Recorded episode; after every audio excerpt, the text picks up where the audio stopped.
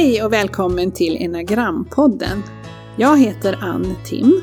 Och jag heter Tina Tornell. Den här podden kommer utforska en utvecklingsmodell som heter Enneagrammet. Modellen bygger på nio grundläggande livsstrategier.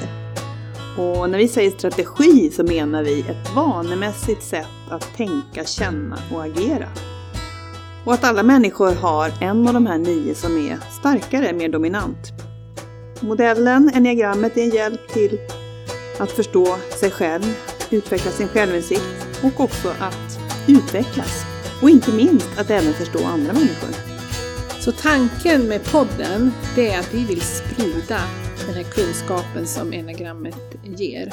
Så att fler människor får ökad självinsikt. Och vi vill sprida på det sättet att vi kommer intervjua människor som har de här olika strategierna. Vi kommer intervjua kunder och ta upp lite andra ämnen som hör ihop med enagrammet. Så eh, välkommen att hänga med! Så jag tänkte Ann, om du skulle börja berätta. Vem är du egentligen? Ja, vem är jag? Jag är uppvuxen i Norrbotten. Bodde mina första 20 år där. Sen flyttade jag till Stockholm på grund av studier. Träffade min man. Eh, vi gifte oss och firar nästa år 30 år som gifta. Vi har två barn som är 25 och 27 eh, och en katt som heter Elsa. Jag har min bakgrund yrkesmässigt inom arkitektur. Jag har varit arkitekt i 20 år. Sen har jag jobbat också som chef inom Stockholms stad. Och vi startade det här bolaget, Tina och jag, för eh, drygt 10 år sedan. Så, ehm, men vad är din bakgrund då? Jag eh, kommer ju ursprungligen från Göteborg, även om det inte hörs. Och jag har bott på massa andra olika ställen.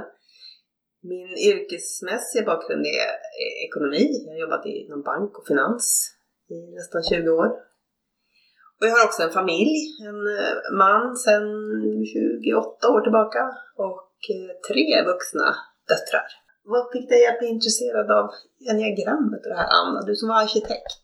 Mm. Vad hände? Ja, i, i, vi har bott utomlands. eh, Vi bodde fem år i Sydafrika och så när vi kom tillbaka till Sverige var 2000 så var det en god vän, ett par som vi känner, som bara kom med en bok som där det stod enneagrammet, själens nio ansikten. Och sa bara, den här boken har verkligen varit så revolutionerande för oss. Vi har fått jättemycket aha-upplevelser och det har hjälpt oss så i vår relation. Så där väckte de ett intresse, så jag och min man, vi började läsa den boken och blev lite fast i det, måste vi säga, för det hjälpte oss förstå varandra, förstå våra relationer med vår uppväxt och syskon och föräldrar och vänner. Och, så det började med det, via vänner som introducerade oss till eh, den här modellen. Jag är alltid haft ett intresse av det här med människor och, och förstå mig själv och förstå andra. Och jag ville faktiskt bli psykolog från början och inte ekonom. Men jag hade inte de betygen. Men eh, i mitt intresse för människor och relationer så har jag länge varit med i en grupp som träffas och pratar om det här. Och i den gruppen kom enneagrammet med av samma person, introduceras av samma person som introducerade dig och din man för enneagrammet. Så vi började i den här gruppen att läsa samma bok, den här nio, Själens nio ansikten och gjorde några tester också som fanns att köpa. Och upptäckte att wow vad mycket vi kunde lära oss om oss själva och, och varandra. Och inte minst eh, jag och min man i vår relation och i relation till barnen. Och jag såg så tydligt mina egna typiska beteendemönster som hade satt fällor för mig, krokben, under stor del av, av mitt liv. Så det var verkligen en Aha-upplevelsen. I samma veva då, när jag kom tillbaka till Sverige och, och hade fått lite distans till mitt eh, arbetsliv så hade jag under tiden där känt att nej men jag, jag ska göra något annat eh, resten av livet. Det här, jag får inte använda mig själv fullt ut. Och då den här, eftersom jag också fick så mycket syn på saker hos mig själv, även om inte det för mig var så, jag hoppade inte jippi när jag, när jag upptäckte de här sakerna, därför att jag, det är ganska intressant kan man kanske nämna, när jag började läsa den här, om de här eh, enagramstrategierna så tittade jag på dem och läste om dem och eh, den strategi som det visade sig som är min grundstrategi, det var den som jag sa först. Jag kan absolut inte vara den, för de är ju bara så jobbiga, de människorna. Så då förstår ni att för mig så var upptäckten inte bara kul, Utan det gjorde ganska ont. Men det blev en extrem hjälp för mig att förstå också mina relationer och framförallt till mina syskon förstod jag vad de hade reagerat på. Men då började, bytte jag också bana eh, på 2000, jag började jobba som chef inom Stockholms stad och då fick jag gå jättemånga, eller jag passade på att gå jättemånga olika utbildningar. Och så hade jag enagrammet vid sidan om. Och så bara kände jag, nej men den här måste ut på svenska marknaden det här ger någonting annat, det kompletterar de andra, går med på djupet och så. Det kan man säga var, var någon slags, det bara blev starkare och starkare under 2000 och sen när Tina och jag träffades och började prata om de här sakerna så bara kände jag, nej men det här måste ut, ut i Sverige. Det här måste spridas. Så, eh, ja. Mm. Det var ju lite liknande för mig, att jag gick där på min bank och kände att, ah, är det verkligen det här jag ska göra? Kände att det kändes väl inte så meningsfullt att försöka övertyga kunder om att den ena banken var bättre än den andra när jag inte själv liksom tyckte att det var så viktigt längre. I sökandet efter mening, och enegrammet fanns där redan i mitt liv sedan många år tillbaka, så kände jag att men det här vore faktiskt spännande att få jobba med det här. Och precis som Ann säger så såg vi också i att i andra länder så användes ju enegrammet inom arbetslivet. Bland annat i Danmark är det jättestort och har varit i många år. Men just här var det liksom lite oupptäckt i Sverige. Det var oupptäckt mark. Det ledde till en diagramutbildning för oss båda på lite olika sätt. Jag tror jag tog min första 2004 diagramutbildning. Hos, eh, vi har utbildat oss hos, framförallt hos Rass och Aratz Hudson och Don Riesero till Enegram Institute i USA. Där du har mm. också tagit mm. certifieringen. Ja, precis. Jag började 2008 med utbildning ja. och sen gick jag igenom det ganska de närmaste åren därefter och certifierade mig hos dem. Och vi har gått också Ginger, Laptid Bogda och Tom Condon och ja, ganska många olika. Beatrice Chestnut. Beatrice Chestnut och, ja. mm. Det är bra, tycker vi, när man lär sig enagrammet att få det från många olika håll. För mm. olika lärare ger olika vinklingar och, och att man gör det till sitt eget utifrån att man hör från många olika håll. Så det här företaget som vi har då, Enneagramcenter, det startade vi 2008, lite försiktigt. Och ett nyckelord för vår verksamhet som vi alltid tar upp, det är självinsikt. Det är liksom det allting centrerar sig kring. Men Ann, om du skulle beskriva vad som är viktigt för oss? Mm, man pratar ju inom företagen om why, vårt why, varför gör vi det här? Och det är ju verkligen för att vi, eh, vi vill ju verkligen, som vi sa också i början, alltså att få människor, att väcka människor till mer ökad självinsikt. Och förståelse för varandra. Och vi ser ju att det är ett otroligt stort behov idag i arbetslivet. Med tanke på också det här med mm, människor som mår dåligt och blir utbrända och ehm, att hur skapar man hållbara människor? Ja, det är så viktigt att jag får kon på mig själv. Får ökad självinsikt, förstår varför jag gör som jag gör eller tänker som jag gör eller agerar som jag gör.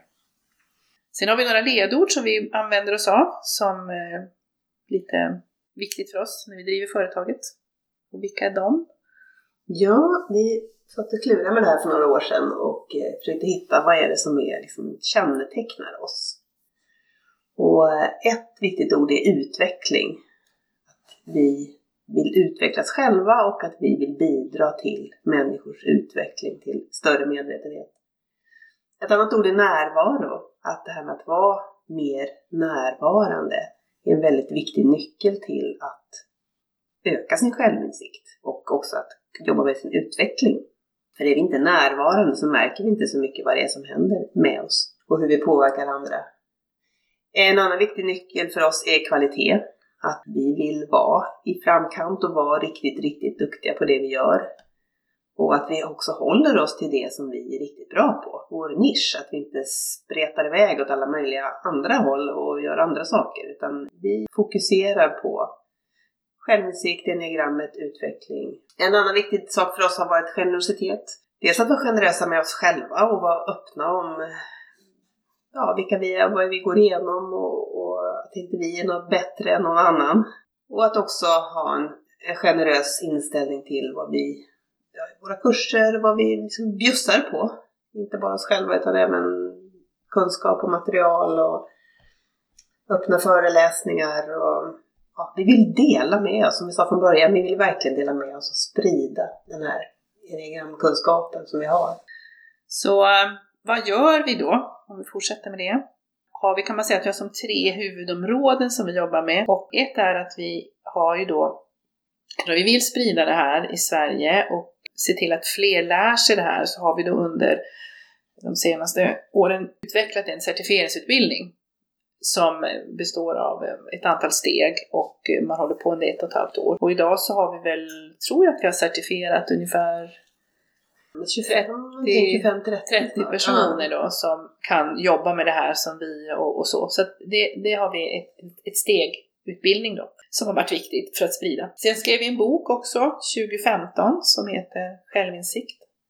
Nyckeln till att utveckla dig själv och andra.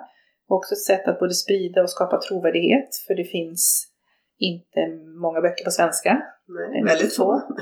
Däremot på ute på engelska och andra språk. De andra, du kan ju kanske ta de andra två. Eller andra ja, viktiga vad är det mer vi gör? Precis. Mm. Ja, som vi sa från början där så vill vi också sprida den här modellen mer inom yrkeslivet. Mm. Så vi jobbar också med team där vi använder enagrammet som ett sätt för teamen att öka sitt få ett bättre samarbete och kommunikation med varandra. Det är det det leder till. Men genom att deltagarna i teamet eller medarbetarna får ökad självinsikt och förstå varandra på ett helt annat sätt. Och det är väldigt spännande att jobba med ett team och det gör vi ju ofta över en längre tid. Det är inte så att vi bara kommer in och gör en engångsgrej utan många av våra kunder har ju funnits med i flera, flera år. Där jobbar vi med i workshopform och med föreläsningar och mycket övningar och sen har vi också en sista del i att vi gör en del individuell coaching också. Och det är ganska ofta personer som kommer från de här teamen. Att någon eller flera vill utvecklas lite mer och därför gör vi också det individuellt. Och där har vi också båda två gått coachutbildning och certifierat oss. Och vidareutbildning inom coaching också. Mm. ICF. ICF eh, är den, mm. Det förbundet som vi har tillhört. Och när vi började Ja, vi tror vi började redan 2007 faktiskt. Ja, våra första föreläsningar ja, var 2007. Precis. Så var det ju verkligen okänt. Eller det, det, var väldigt få som kände till enagrammet. Vi märker ju att det har skett någonting de sista tio åren. Mm. Att det är lite mer känt. Även om det fortfarande inte är så jättekänt. Men det vi gör också det är att vi, för att sprida så föreläser vi, försöker vi föreläsa mycket. Ja, vi har föreläst mycket på olika förbund och, och håller föreläsningar själva som vi gör nu bara för att sprida, ett sätt att sprida det så att folk kan ta med sig och, med mycket, och varit med i många nätverk ja. hela tiden. Mm. Och vissa yrkesgrupper kan vi se mm. som HR, med, med nätverk, coacher eller ledare. Mm. Vissa grupper har större nytta av det. Du brukar säga att det ligger i tiden. Vad är det vi menar med det? Ja, vi märker ju att det finns ett ökat intresse för de, man kallar för mjuka faktorer. Jag hörde häromdagen någon som sa mänskliga faktorer, det tycker jag är ett bättre ord. Därför att man inser hur viktigt det är att vi är faktiskt människor på jobbet och många arbets, på många arbetsplatser mår människor inte så bra. Och jag tror att vi börjar se att det är för att vi har bortsett från de här mänskliga faktorerna och att vi faktiskt är människor på jobbet. Och därför behöver eh, organisationer också jobba med de mänskliga faktorerna. Och det ser vi ett ökat intresse för. Och man pratar ju nu mer om de här tillitsbaserad styrning, tror jag det heter, inom kommunerna. På mera företagsmarknaden så pratar man om självstyrande organisationer. Det finns en bok som vi är väldigt inspirerade av som heter Reinventing Organizations av Fredrik Laloux. Där han just beskriver ett antal fall med organisationer som har blivit mer självstyrande. Och en viktig del i det här självstyret är att få vara mer sig själv på jobbet, att vara mer personlig med varandra. Och där ser vi att wow, vi har ju verktyget som kan hjälpa och underlätta det här att vara mer personlig. Mm. Så självinsikten är igen super, på det sättet viktig och, och har blivit mera kommit fram och blivit som en viktig faktor i de här självstyrande organisationerna. Och jag har två kunder då som har jobbat både med oss och med självstyrande organisationer som tycker att det här är så hand i handske när man kompletterar varandra. Mm. Ja, men nu har vi pratat en massa om oss själva och vårt företag. Jag tror att lyssnarna är rätt intresserade av, av det här enneagrammet då. Vad är det för något? Hur skulle du beskriva enneagrammet, Ann? Jag skulle säga att enagrammet är en utvecklingsmodell som verkligen eh, beskriver eh, tankar, känslor och beteenden. Enagrammet, ordet enagrammet som kanske låter lite konstigt, det är grekiska. Och um, Enea är nio på grekiska. Och um, grammet är då modell eller Punkt. punkt. punkt, just det, punkt. Så Gram. ni, nio Mm. punkter. Så den beskriver alltså nio olika livsstrategier. Vanemässiga sätt att tänka, känna och agera. Som eh, man säger att vi har alla tillgång till de här nio. Men det är en som vi har som vår grundstrategi. Och det är där vi har mest att lära oss och förstå vad det är som händer. Varför jag gör på ett visst sätt. Eh, och framförallt när jag hamnar i obalans, när jag blir pressad, stressad, eh, inte är så närvarande. Så ser man det otroligt tydligt vad det är för strategi som jag tar till. Vad skulle du säga? Jag bara tänkte på själva enneagrammet som modell och symbol. Om man inte har sett ett enneagram, enneagrammet hur det ser ut, så kan man gå in på vår hemsida www.enneagramcenter.se och klicka på fliken enneagrammet och där kan man se själva modellen, symbolen enneagram. Eh, För den har ju också ett speciellt utseende. Och man kan ju undra då, vem, vem har hittat på den här modellen? Mm. Enneagrammet, vem var det som kom på det? Det är ingen som sådär riktigt eh, är... Det är många olika personer som har bidragit till enneagrammet. En person som var den första som man vet ändå pratade om enneagrammet, det var en rysk filosof som hette Gurdjieff. Han höll på på 40-50-talet och bland annat vad han pratade om var de tre center eller intelligenscenter som enneagrammet består av. Man pratar om tankar, känslor och handlingar. Eller mentalt, emotionellt och fysiskt. Man kan också säga huvud, hjärta och kropp. Och de tre delarna i oss människor var han väldigt intresserad av och eh, jobbade med, mest med det. Men han introducerade också det här enneagrammet som utvecklingsmodell. Efter Gurdjieff eh, en person som verkligen har byggt själva det här som en psykologisk modell. Det heter Oscar Echazo som var bolivian. Jag tror att han lever fortfarande faktiskt. Eh, han började bygga på de här tydliga psykologiska beskrivningarna av hur människor fungerar. Som bli, har blivit de här nio grundläggande strategierna. Och sen togs hans arbete över, eller tog det han hade gjort, togs till USA av en av hans studenter som heter Claudio Naranjo.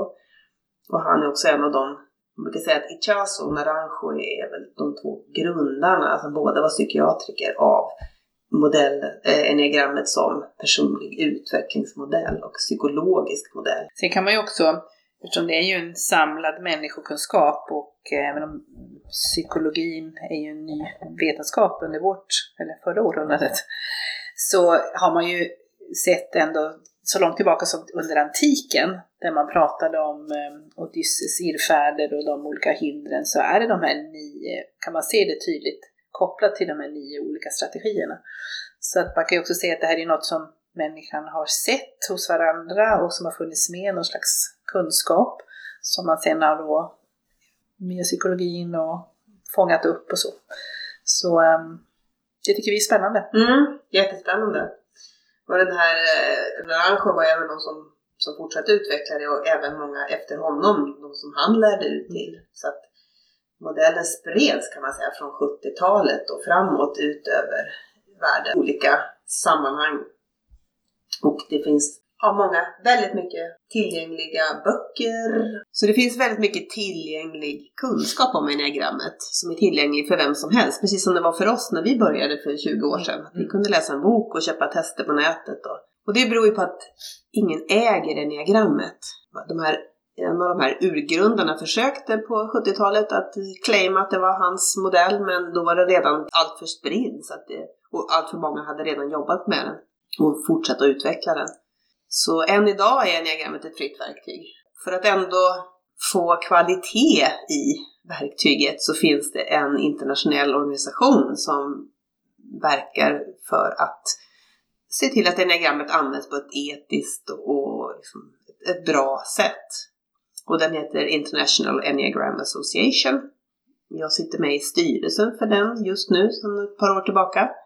Det finns också lokala föreningar runt om i världen, bland annat en lokalförening i Sverige. Det finns Enneagramföreningen som har olika evenemang. Är man med i föreningen så, men, så har man liksom skrivit under på att man vill använda enneagrammet på ett, på ett riktigt bra sätt och det finns etiska regler för det, hur man använder modellen. Huvudord i det vi jobbar det är ju självinsikt. Och hur har vi då definierat det? Ja, vi har delat in det i att först handlar det om att bli, få bli medveten om vad är mina naturliga styrkor? Vad är, mina, vad är det jag är naturligt bra på? Och det andra är att se att identifiera mina begränsade mönster och mina fallgropar. Och då kommer ni se i den här modellen, det som blir mina begränsade mönster, det är faktiskt mina naturliga styrkor som jag gör för mycket av. Så vad kan det vara till exempel? Till exempel, jag är väldigt, eh, tar väldigt snabbt ansvar. Ja, jag kan ta för mycket ansvar, det blir för tungt och eh, tappa bort andra viktiga bitar i livet. Eh, livet blir väldigt seriöst. Vad kan du ha för styrka Tina? Ja, en av mina styrkor är att jag är, tenderar att vara väldigt optimistisk och vilja se saker och ting från den ljusa sidan. Glaset är halvfullt. Mm. Och det kan ju också bli, bli en fallgrop när man inte kanske vill se verkligheten som den är riktigt mm. och, och, kan ha svårt att stanna kvar och vara i när det är liksom lite jobbigare.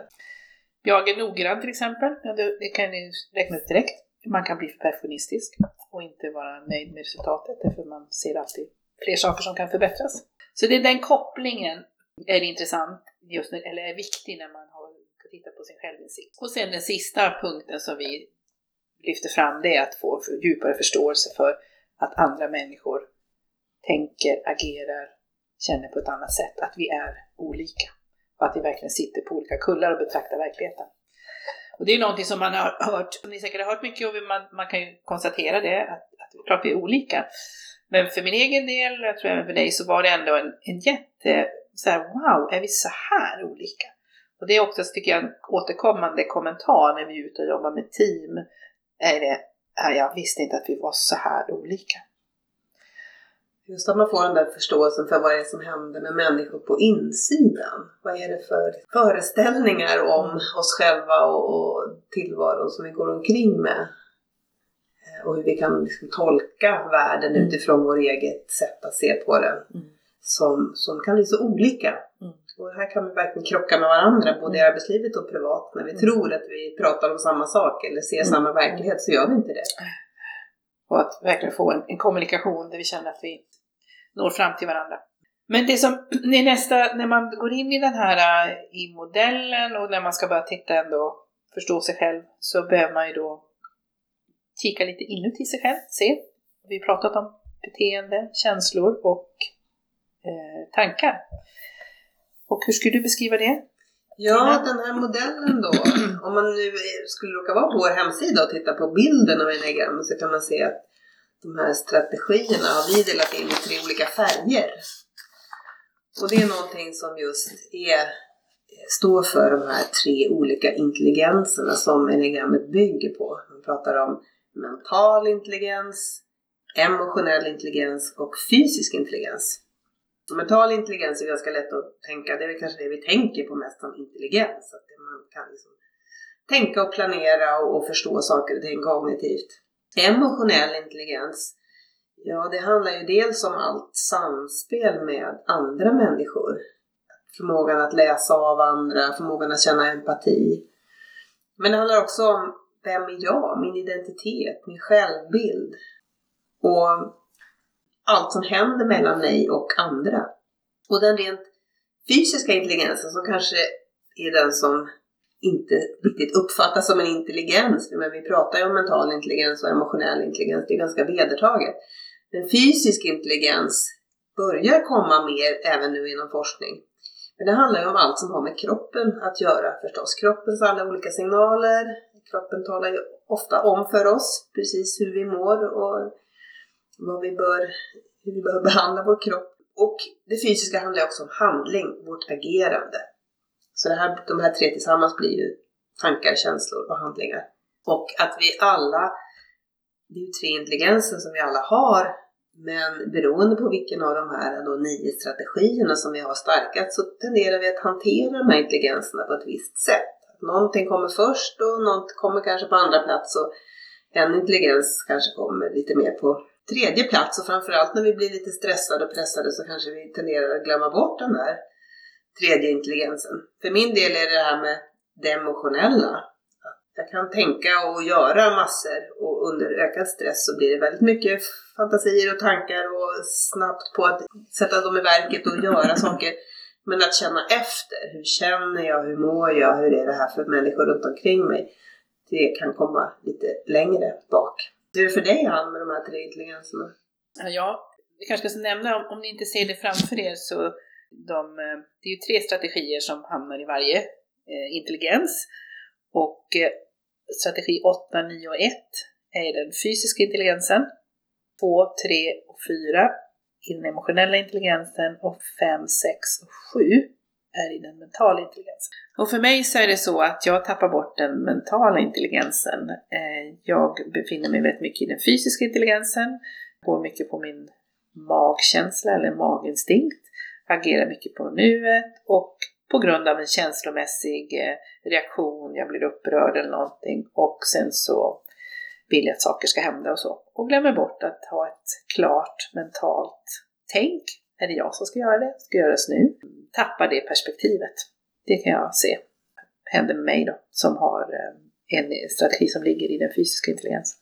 Och jag har en strategi som ligger i den mentala intelligensen kan vi lägga till. Mm. Vi kan väl säga då på en gång att jag har ettan strategi ja. som kallas förbättraren och Tina har. Men man kan ju ändå, intressant ändå tror jag att förklara och, och vad är, vad kommer de här livsstrategierna? När började de? Eller vad, hur har de funnits med mig hela livet? Eller är det något som kom senare? Just det, Så kan man byta strategi? Kan man byta strategi eller vad, vad ja. är det? Så hur skulle du förklara det Tina? Ja, om man tittar på forskning om vår personlighet så kan man ju se att den består ju av både delar som finns med faktiskt alldeles från födseln. Man pratar om att spädbarn har olika temperament bland annat. Och i en del forskning kan man också se att man har just delat in det i nio olika temperament. Och utifrån sitt temperament så får man ett visst sätt att, att förhålla sig till omvärlden. Och när vi är små, när vi föds, så är vi väldigt sköra, väldigt sårbara människor. Vi kan ju inte klara någonting själva under ganska lång tid. Så vi är väldigt beroende av vår omgivning. Och därför är vi också väldigt receptiva för vad som händer i vår omgivning och vi är som små känslopaket. Och när vi växer upp så behöver vi hitta eh, ett sätt att förhålla oss till vår omgivning och framförallt när vi inte riktigt får det vi behöver från vår omgivning. För våra föräldrar och, och människor runt omkring oss kan ju aldrig vara precis ge oss i varje stund exakt det vi behöver. Utan vi utsätts för att bli ledsna, rädda, arga, alla möjliga känslor som väcker olust inom oss. Och vi hittar då ett sätt att hantera det här vad får mig att, att klara mig tillsammans med andra? Vad får mig att, att känna mig bättre inombords? Och det här är då kopplat lite till det här grundtemperamentet vi hade. Så att börjar livsstrategin byggas på. Att jag märker kanske att ja, men om jag, som för min del då, om jag håller mig är glad och, och positiv och, och, ganska medgörlig så här, gentemot mina föräldrar och försöker fokusera på det som är, det som är bra och kanske fantiserar också lite grann om det som, hur det ska bli i framtiden när det ska bli ännu bättre. Ja, men då, då mår jag bättre och, och det blir, funkar bättre i relation till mina föräldrar och jag märker att det där fungerar. Ja, men då fortsätter jag ju med det.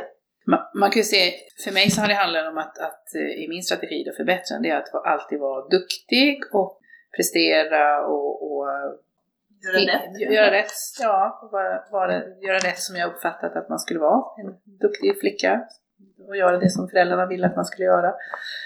Så man kan se det som en, vi brukar också prata om att det är en överlevnadsstrategi.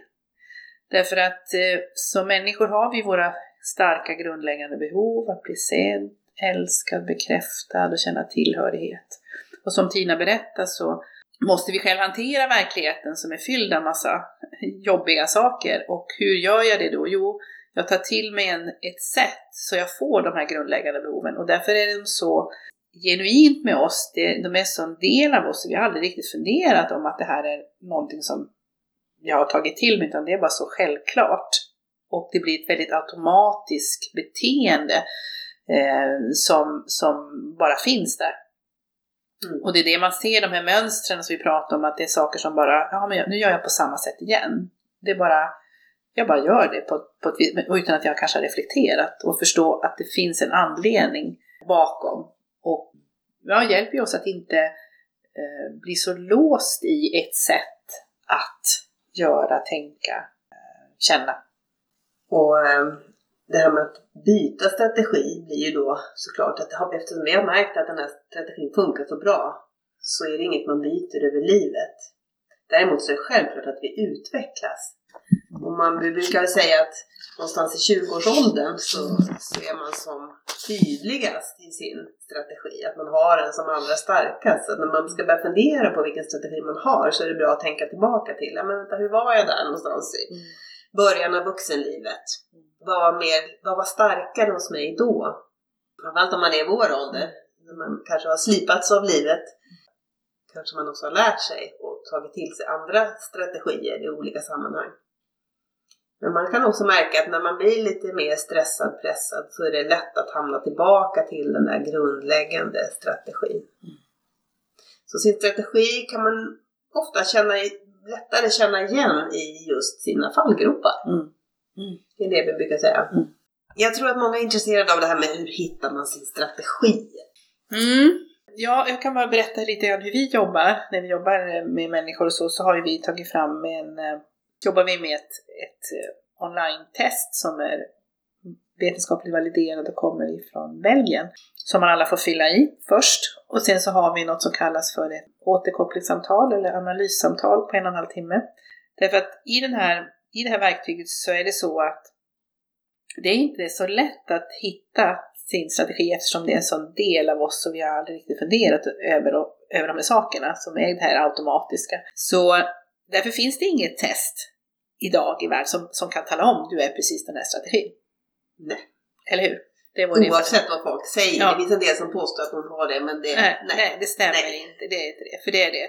Så, det därför, så, så det, därför behöver man ha en ganska gedigen utbildning för att kunna ställa de rätta frågorna, lyssna in, läsa kroppsspråk. Det är så många bitar för den här strategin sitter så ett med oss och, och man behöver ha, vara erfaren och kunna läsa av och se. Och sen är det absolut det viktigaste är ju, är ju då också att människan känner igen. När man börjar reflektera och titta på sig själv, då ser man just det, men det där ser jag, nu ser jag de där mönstren, nu börjar jag förstå. Och nu ser jag mig själv. Eh, att det är den egna, att man ska känna igen det själv. Superviktigt. Mm. Så det inte, låt inte någon annan tala om nej, vilken nej, strategi du har. Utan nej. det här är, vi är väldigt noga med att komma fram ja. med det tillsammans. Tillsammans och var försiktig också innan du börjar sätta strategier eller siffror på andra människor bara utifrån. För att det här handlar om en inre tankar och känslor och så. Det är inte alltid det syns på utsidan. Och just den inre motivationen. Mm. Enneagrammet handlar väldigt mycket om motivation, varför man gör det man mm. gör. Och det kan ju vara olika motivation bakom mm. beteenden mm. som ser likadana ut på mm. utsidan. Mm. Du kan ha ett källsäkert beteende till exempel, mm. men du drivs av att du vill vara bäst. Du drivs av att du vill bara beskydda och ta hand om andra eller du drivs bara att du vill göra det som är kul. Och det uppfattas ändå som väldigt självsäkert. Mm. Till exempel. Mm. Så um, ska vi ta, ska du nämna lite kort om alla strategierna? Ja, som, som bara vi... som en avslutning, som en teaser till nästa gång. För då kommer vi att gå mer in på djupet och berätta om varje strategi. Men eh, vi kan ju bara säga vad de heter. Och när vi pratar om strategierna så brukar vi ta dem i den ordningen att vi pratar om en sån här intelligens i taget. Så i den fysiska intelligensen, där finns tre strategier. Där finns utmanaren, som är stark och kraftfull. Där finns medlaren, som är ganska mild och söker harmoni. Där finns förbättraren, som är fena på att se vad som kan bli ännu bättre i tillvaron. I den emotionella triaden, den emotionella gruppen, så finns tvåan, hjälparen, som tycker om att hjälpa människor att få kontakt med andra. Där finns presteraren som är duktig på att lyckas och göra det bästa av sina talanger. Där finns också individualisten som är en verkligt kreativ strategi som vill gärna gå sin egen väg. Och slutligen i den mentala triaden, där hittar man strategi 5 som heter undersökaren som gillar att gå på djupet och verkligen, verkligen förstå det de är intresserade av. Där finns den lojala som man har på ordet som är lojal och vill att andra ska verkligen kunna lita på dem och vill själva lita på, söker det man kan lita på i tillvaron. Och den sista strategin, entusiasten, som är positiv, optimistisk, söker det som är roligt och ger glädje. Det var en riktigt kort beskrivning av alla nio. Då tänkte vi avsluta för idag. Och har du blivit nyfiken nu på enneagrammet så eh, erbjuder vi till exempel ibland öppna föreläsningar en bit fram. Vi har en den 11 december. Och vi har också en del öppna workshops. Information om det här kan man hitta på vår hemsida, enneagramcenter.se.